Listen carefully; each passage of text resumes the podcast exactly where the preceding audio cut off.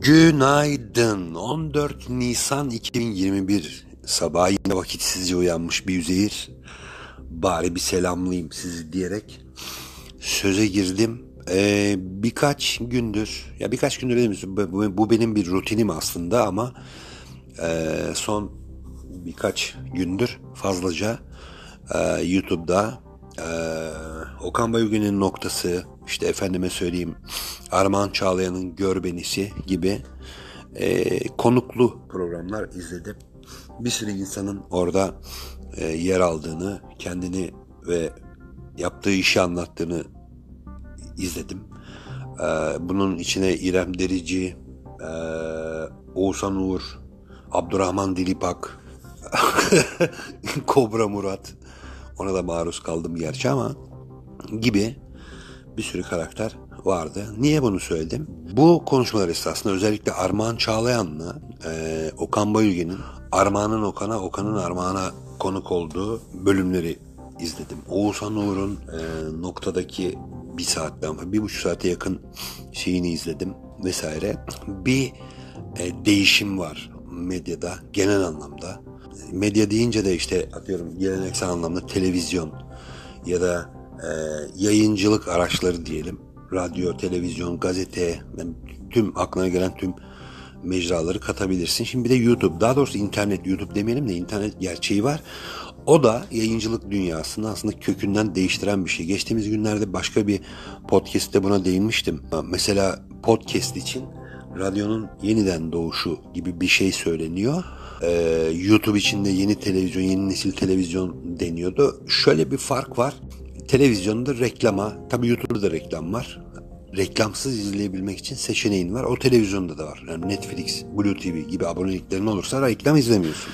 Dolayısıyla e, YouTube'da ya da internette de herhangi bir abonelik paketi aldığında mesela reklamsız izleme seçeneğin var ya bu değil ama istediğini izlemekle ilgili yani bakalım neler varmış. Yani zap yapmak zorunda kalmamak gibi bir şey var mesela.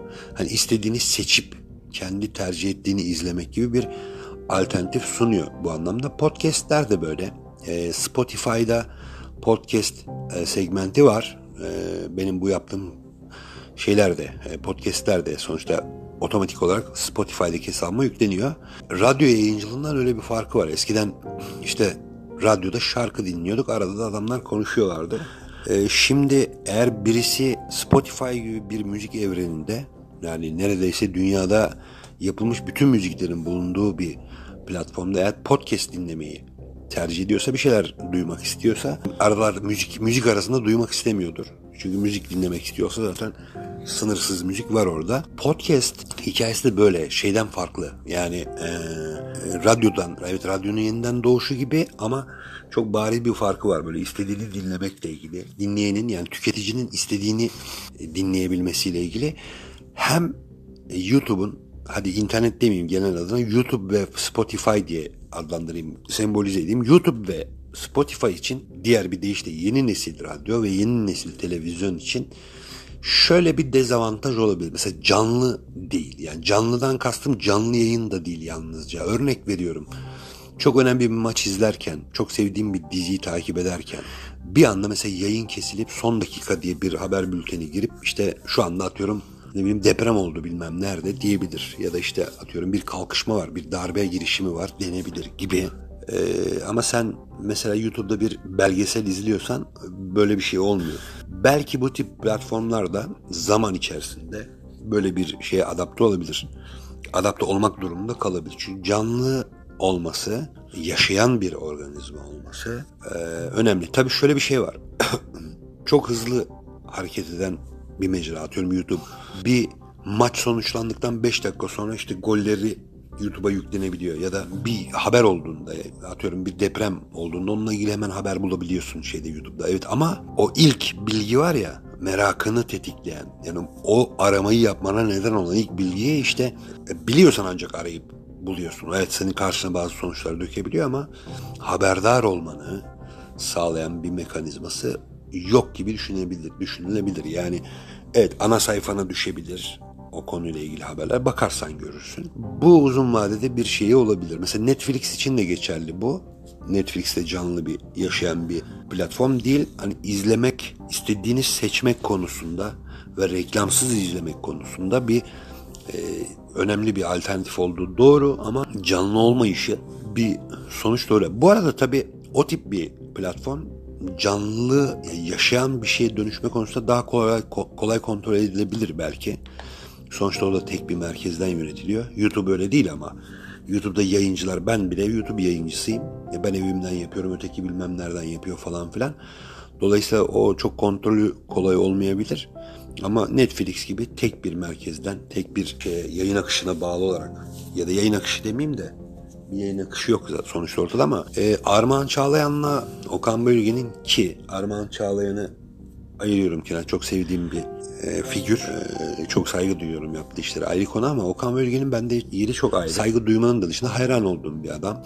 E, entelektüel birikimiyle. Televizyonda iş yapanların arasında belki en entelektüel. Beyazıt Öztürk de mesela hep böyle bir şeydeydi. Beyazıt'ı seviyorum. O da çok tabii saygıdeğer bir e, televizyoncu, bir şovmen ama e, Okan Bölgen hep biraz daha böyle sürünün dışında oldu. Hep biraz daha birkaç adım önde oldu. Yani Emrah Safa Gürkan'la yaptığı programda onunla, onun argümanlarıyla konuşabilen ne bileyim işte Oğuzhan Uğur'u ağırladığında onun gibi konuşabilen ya öyle şimdi jenerasyon farkı var. Nereden baksan hiç yoksa en az 15-20 senelik bir şey var. Ee, fark var arada. Belki de daha fazla. 20 seneden bile fazla. Ama onun gibi konuşabilen o zamanın onun yönünden esen, rüzgarda yakalamış bir adam olması e, sebebiyle mesela Okan Bölgen daha doğrusu Okan Bölgen'e olan hayranlığım nereden gelir? Benim ben lisedeydim. Haftada dört gün yanlış hatırlamıyorsam televizyon çocuğu zamanı haftada dört gün canlı yayın yapıyordu bu adam. Pazartesiden perşembeye e, ve her program iyiydi. Doluydu yani anladın mı? Cem Yılmaz'ı çok büyük kitlelerin tanıması belki Okan Bayülgen'in programlarına telefon bağlantısıyla katılıp o çılgınca o dönem için çok çılgınca olan kahkahası dikkat çekmesiyle olmuş bile olabilir mesela. Cem Yılmaz'ı ben programın telefon bağlantısı yaptığında tanıyordum. Örnek veriyorum Bitat, Bir Doku veya Leman'dan ama çok geniş bir kitlenin tanımasına aracı olmuş olabilir. Dolayısıyla çok önemli bir e, biri televizyon tarihi için yüzlerce yıllık bir e, tarihten de bahsetmiyoruz. Televizyonun Türkiye'deki varlığını 30 sene desen yani öncesini sayma hadi 30 seneden geri al. 40 sene diyelim ya. 40 sene çok uzun bir süre değil. Ee, en önemli yapı taşlarından biri e, farklı şeyler de yapılabilir. Bu böyle de bakılabilir gibi. Klasik talk show bu alışa geldiğimiz beyazın bırakana kadar devam ettiği işte bir koltukta konukların oturduğu e, bir tane masada da e, işte showman'in oturduğu Amerika'da bile hala yapıla gelen ne bileyim işte Conan O'Brien'in e, formatın dışına çıktı mesela. Masanın etrafına topladığı insanları çok fazla konukla programlar yaptı falan filan. Çok önemli bir adam o yüzden. Onun bugün ne söylüyor olduğu aslında yayıncılığın dijital yayıncılıkla ilgili de ne söylüyorsa muhtemelen önümüzdeki dönemde bunları yaşayarak göreceğimiz gerçekler yani gerçekleştiğinde aa Okan demişti diyeceğimiz şeyler gibi görünüyor. Çünkü bugün gelinen noktayla ilgili de yani şu, şu anki durumla ilgili de bundan 5 sene önce bir şeyler söylemişti ve bugün olduğunu görüyoruz. Tabii o Oğuzhan Hur'la olan e, sohbetinin şöyle bir yönü vardı mesela benim açımdan. Evet Okan Bayülgen önemli bir biri yayıncılık anlamında e, biraz geçmişin de tozunu yutmuş ama bugün de yorumlayabilen bir adam.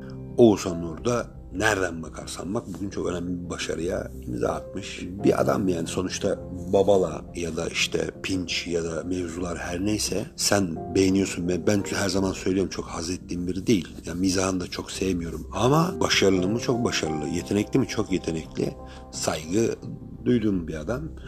Onun da bugün sonuç olarak işte kaç abonesi var atıyorum kanalın kaç, kaç kişi takip ediyor atıyorum 4 milyon mu? Yani bu 4 bin kişi değil anladın mı? 4 milyon kişi e, kitlelerle iletişim kurmak, kitlelere bir şey söylemek anlamında inanılmaz bir güç bu.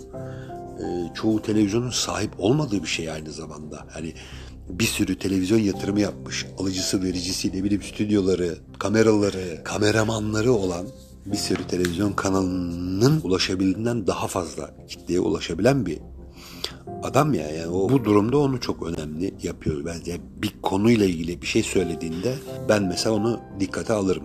İkisinin de ortak zeminde buluştukları bazı fikirler vardı.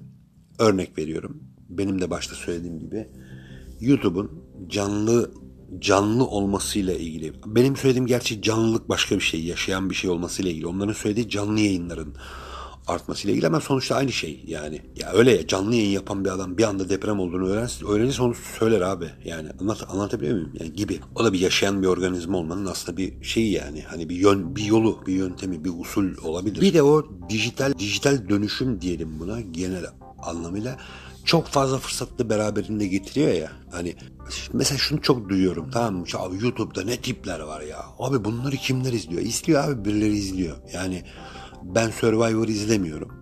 Yani izlemişimdir tamam geçmişte. Ee, ya da denk gelince bakıyorumdur ama mesela son 8-10 senedir dönüştüğü şey farklı bir şey olduğu için bir nevi bir bana göre bir statü belirleyici gibi bile olduğu için e, mesela ben çok tercih etmiyorum ama insanlar izliyorlar. Hem de çok ciddi izliyorlar. İbo Show geri döndü İbrahim Tatlıses ve izleniyor. Üstelik de mesela çok ilginç bir biçimde birkaç kuşağı birden kucaklayabilen bir şey oluyor. Belki o geçmişe özlemi dile getiriyor olabilir Oğuzhan'ın dediği gibi. Yani onu, onu ifade ediyor olabilir bilmiyorum ama geçmişi, o geçmiş denen şeyi bilmeyen kuşağı da kucaklayabiliyor olması itibariyle tabii önemli bir şey. Örnek veriyorum yine daha güncel bir örnek. Neydi o?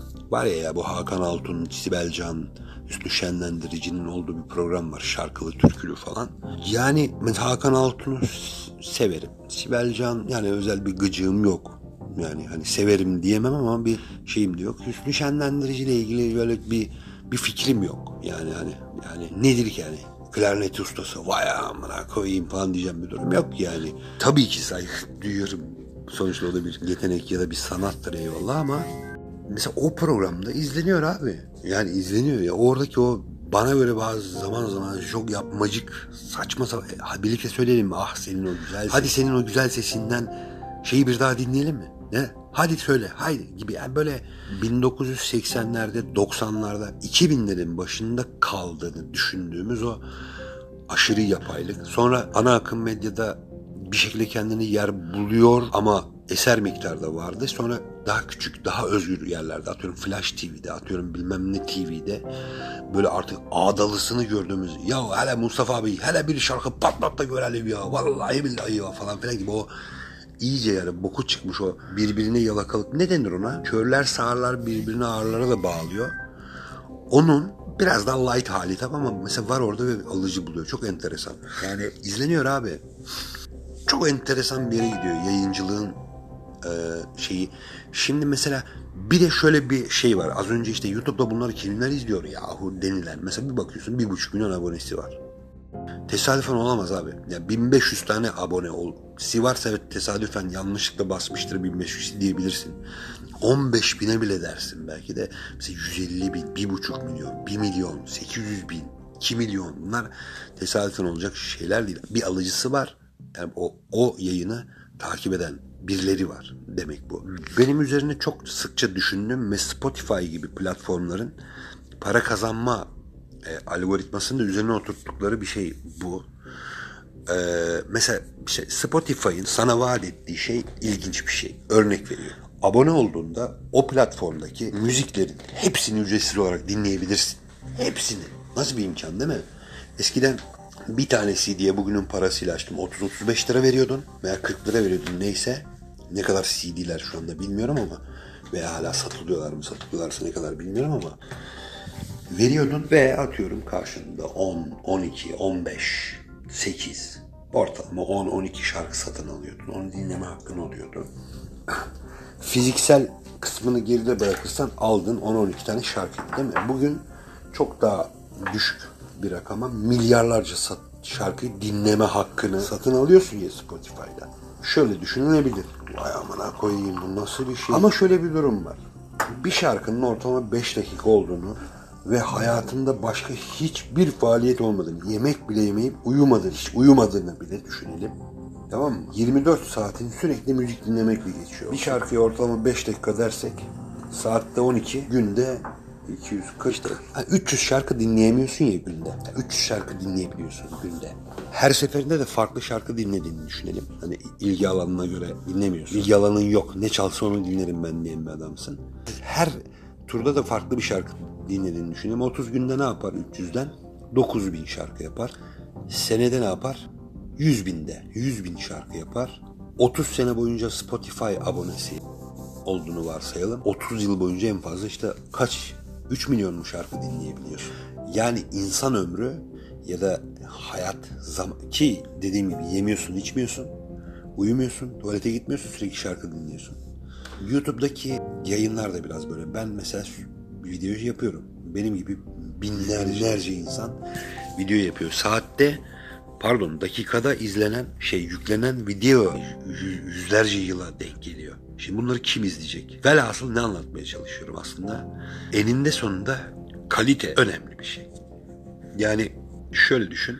Sen toplamda kanalımda benim mesela atıyorum galiba 3 saatin üzerinde video var. Yani peş peşe izlersen 3 saatini falan vermen gerekiyor. Yanılıyor olabilirim ama 2 saatten az değil. Mesela 2 saatini bana vermen için onun çok şey olması lazım. Diğerlerinde iyi olması lazım. Bugün henüz yeni ya. Ve bu komple bir yönelime dönüştü ya dijital yayıncılık efendim ya internetten yayın yapan televizyonlar açılıyor mesela değil mi? Mecburen iyi olmak zorunda. Yani hani efendim açıyorum kamerayı ve kaydediyorum insanlar da izliyor yahu dönemi bitiyor. Bitti zaten de. Velhasıl bugün ya bunları kimler izliyor efendim denilenler zaten yarın olmayacak. Yani evet gerçekten öyle deniyorsa zaten öyle olduğu içindir. Yani bu senin o kişinin kendine has bir tespiti olmuyor. Zaten öyle. O garabeti niye izliyorlar abi gibi bir şeye dönüşüyor. Ee, yorumlar bir süre sonra. Doğru. Ya o mesela olmayacak zaten. Yani ne anlatmaya çalışıyorum aslında? Geçmişte e, Show, Star, BBC, CNN her neyse işte aklına ne geliyorsa televizyon deyince onun yaptığı yayınları, onların yaptığı yayınları, o profesyonellikte yayınlar yapılan bir yere dönüşecek. Ama seçenek çok olacak. Ee, izleyicinin zaten kısıtlı olan zamanından bağışladığı yani şöyle televizyon bir şey üretir ve sunardı. İnsanlar onu almak zorundaydı. Şimdi ise televizyonlar insanlar kısıtlı olan zamanlarından onlara ne kadarını ayırabilecekleriyle çok, alakalı. Demin dediğim işte insan hayatı ya da zaman hepimiz için aynı. Yani 8 milyar insan var. Günde 24 tane saat var. Aslında 8 milyar çarpı 24 saat var değil mi? E buna ortalama 8 saat ayırsan uyku için 8 milyar çarpı 8 desen bunu uykuya ayır bir kere gibi. Hani kalan o izleme süresi ki 8 milyarın tamamına nerede ulaşıyorsun yani? Hani anlatabiliyor muyum? 1 milyarda hani bu tip platformların bugün ulaşabildiği şey insan sayısı anlamında öyle bir şey var bunun. Çünkü televizyon verici kanalıyla yayını basar kaç kişinin aldığıyla ilgilenmez. Yani öyle ya. Yani ilgilenmezler ki tabii ki ilgilenir. Rating diye bir şey var ama hani çok manipüle edilebilir bir şey diye o da. Kimin evinde lan bu rating cihazları diyorduk. Şimdi çok belli abi. Yani çok belli anladın mı? Sen hangisini izledin? Ne kadar o videoyu izledin? Orada dururken durdurup gidip şarkımı dinledin. Yani bunu bile takip edebilecek bir şey var. Her, herkesin evinde rating cihazı var gibi bir yayıncılık bu. Ee, yani hepimiz birer rating cihazıyız aslında. Öyle baktığın zaman. Yani önceden insanlar televizyonlara böyle ne yayınlarsa ver abi ne varsa gönder abi iken şimdi yayıncılar televizyonlar demeyeyim yayıncılar insanlardan şöyle rica eder gibi efendim o kısıtlı vaktinizden ne olur bir yarım saati bize ayırın da bizim videomuzu izleyin ya da bizim yayınımızı izleyin der gibi bir şey gelmek zorunda olacağı için televizyonun sunduklarından geçmişte çok daha kaliteli işler yapılmaya mecbur olacağı platformlar ya da mecralar aslında YouTube, internet, adına her ne Twitch ne boksa işte ya da podcastler. Anlatabiliyor muyum? Ee, belki internet üzerindeki yayıncılığın en önemli şeylerinden biri buyken, dezavantajlarından biri buyken e, kalite sorunu bence belli bir sürenin sonunda bu arada birbirine kavuşacağını düşünüyorum. Yani birbirine birbirine ayırmadığımız işte dijital mecra ve işte sosyal mecra veya işte geleneksel mecra diye birbirinden ayırmak zorunda kalmadığımız bir döneme doğru gidiyor. Eskisinden de kaliteli olmak zorunda olacak. Çünkü senin ortalama bundan 15 sene önce ortalama bir kanalın varsa ortalama ya anladın mı? Mesela TGRT, HPP bilmem ne ne varsa zaten belli bir izleyici payına düşüyordu abi. Yani örnek veriyorum sadece zap yaparken senin kanalına denk gelip ve bir şekilde takılması ihtimalini göz önünde bulundurun. Atıyorum kafadan mesela 500 bin kişi vardı anlıyor musun? Yani 500 bin insan vardı. E, dolayısıyla reklam veren şöyle diye düşünebilir. Ya bırakın biz verelim reklamı da sadece denk gelenler izlese gibi. Şimdi öyle bir şey yok. Böyle bir şey olmayacak. Mecburen kaliteli olmak zorundasın. YouTube'da yapılan bazı işler mesela 140 Jurnos'un belgesellerini herhangi bir televizyonda görmedin bugüne kadar. İlk aklıma o geldiği için onu söyledim. Yine az önce söylediğim gibi saygı duyuyorum. Oğuzhan Uğur'un ürettiği içerikler çoğu televizyonda karşına çıkmamış, görmemiş olabilirsin. Ki öyle olmalı ki televizyonlar mal bulmuş bari gibi saldırdılar bu adamlara. Dediler ki gel biz de yap bunu falan filan. E işte Acun Ilıcalı konuşanları şeye aldı, eksene aldı. Hasan Can Kaya'yı.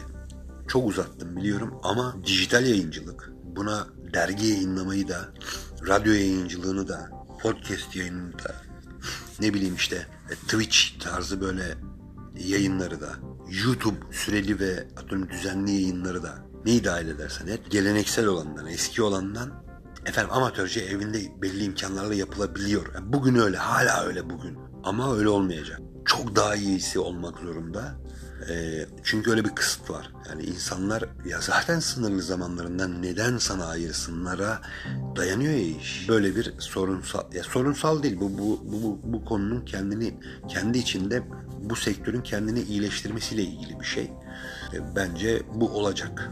Benden bu kadar şimdi. Tekrar görüşene dek kendinize iyi bakın. İyi ki varsınız.